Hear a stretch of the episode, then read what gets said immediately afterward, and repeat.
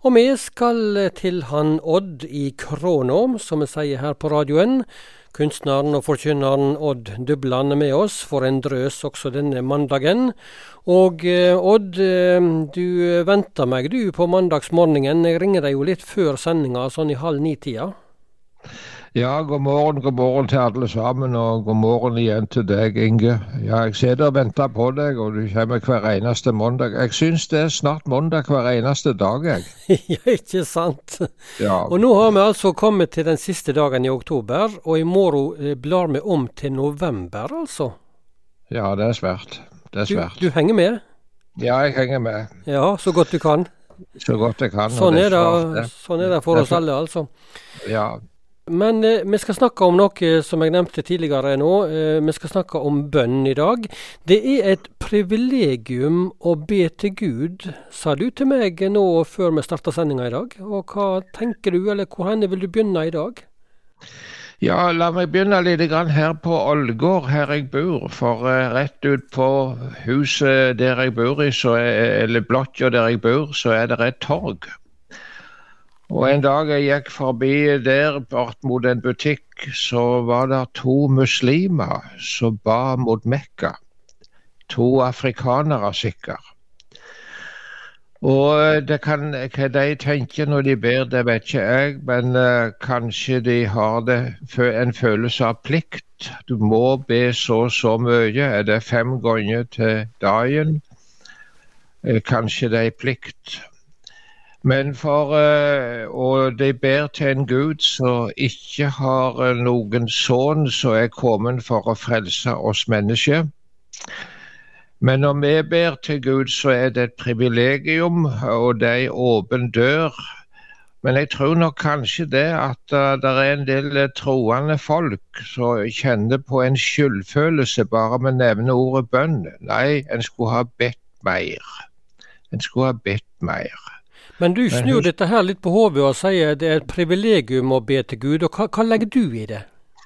Nei, altså Gud har sett framføre oss ei åpna dør der vi kan gå inn til Han og be til Han om det vi vil. Og legge alle våre ønsker framfor Han, står det skrevet i Bibelen. Og hvor tid vi vil òg?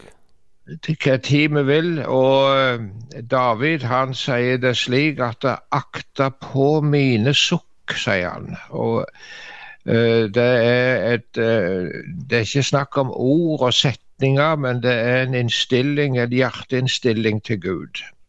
Men det er en, eh, litt fra Bibelen der som jeg hadde lyst til å ta fram. Hvor henne skal vi i dag, da? Ja, vi skal litt langt tilbake igjen i første Samuels bok i Bibelen. Og der er det fortalt om en mann som heter Elkana. Og han hadde to koner. Det var ikke uvanlig på den tid at de hadde det. det I Det nye testamentet så er det ikke det tillatt, det. Det er bare snakk om ei. Men den gang så var det kanskje flere. Og Elkana han hadde to koner.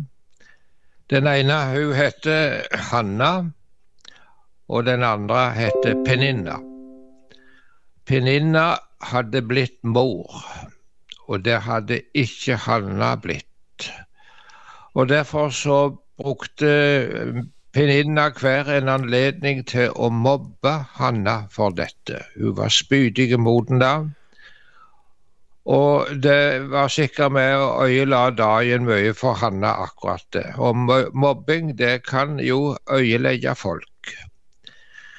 Og der tenkte jeg på en ting, du Inge. Jeg tror det er viktig eh, hva foreldrene i en heim snakker om. Hvis de snakker nedsettende ord om andre, så hører barna dette, og de tar etter det. Det er en ting der så foreldrene har et spesielt ansvar. Ja, du sier noe. Du sier noe. Ja.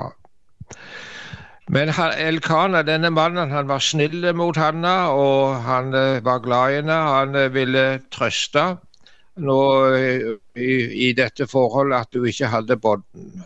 Men han så nå litt stort på seg sjøl og forsto ikke riktig hva det ville si å være mor. Og, han sier det at det er ikke jeg mer for deg eller ti sønner.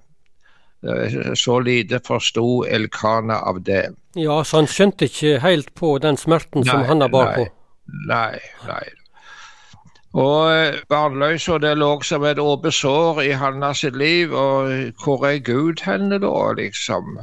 Det største tap som vi mennesker kan ha, det, det, er ikke det at vi opplever et annet tap, men det er spørsmålet har Gud forlatt meg? Bryr han seg ikke om meg? Har han sleie hånda av meg? Det er de vanskeligste ting. Men denne familien da, de reiste opp hver eneste år til en by som heter Shilo.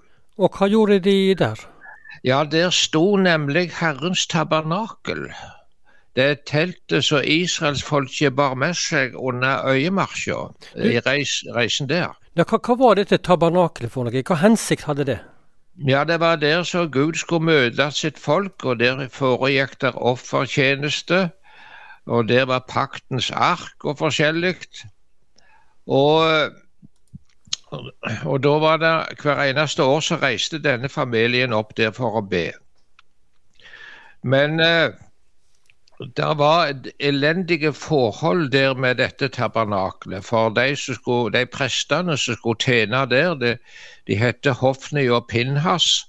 Eh, det var noe skikkelig gudløse folk. Og Det var rett og slett et åndelig forfall rundt tabernaklet. Og så kommer altså Hanna. Hun er mobba hjemme. Og så kommer hun til dette tabernaklet, og så vil hun be der. Og der er det en eh, øversteprest som heter Eli, som ser på henne. Og så står Hanna framfor Guds åsyn der i Kilo og ber. Men hun, eh, hun sa ikke et ord, for hun ba inni seg, står det skrevet. Hun ba inni seg. Jaha, og Hvordan ble, ble dette oppfatta av han? Ja, Han uh, trodde det at hun var berusa, hun var full, og sier det at du må bli kvitt rusen din. Så lite forsto også han nær seg kirkens folk av Hanna. Dette var denne presten Eli? Ja, det var Eli. Og det var sønnene hans, Hofni og Pinhas, som var så gudløse, så det var vanskelige forhold. Jaha, Hvordan håndterte Hanna dette her, da?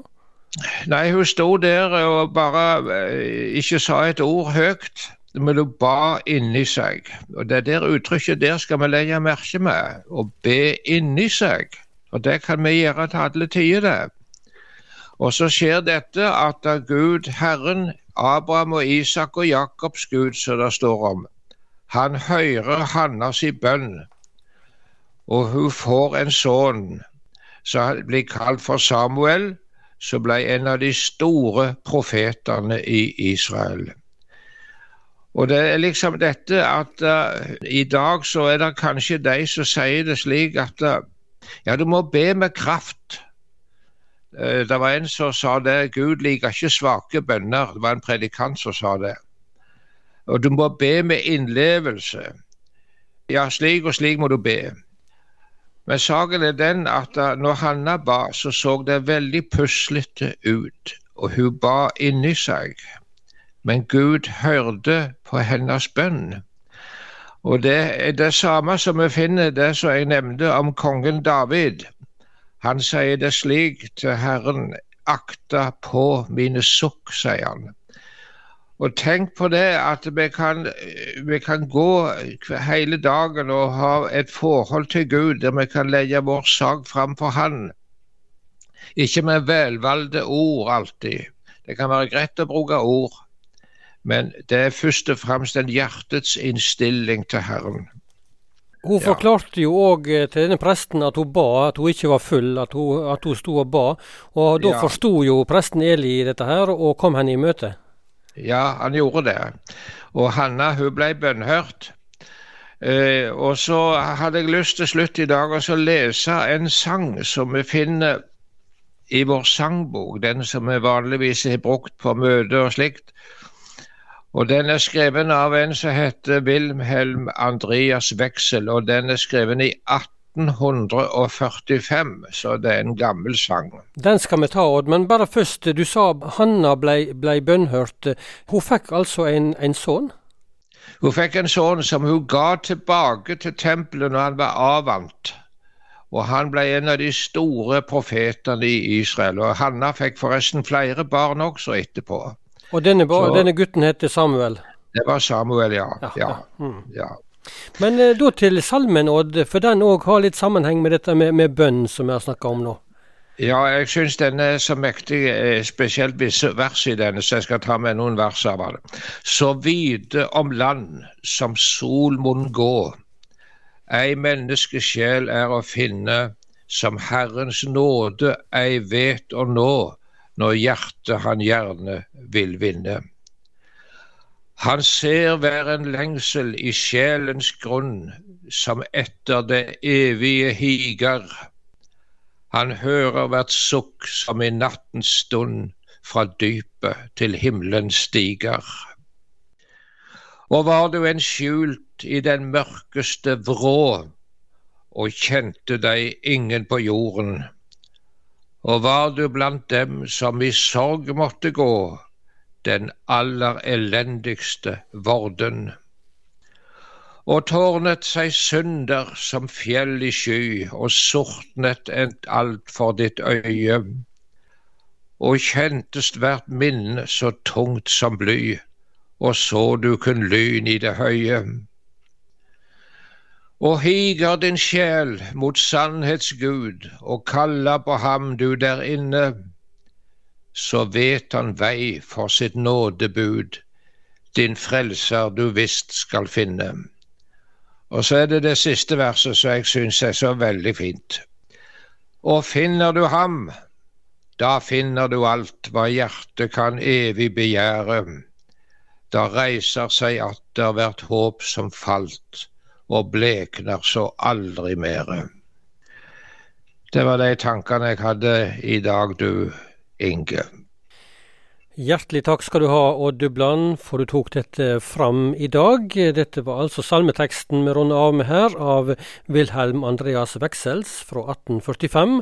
Så vide om land som sol mon gå.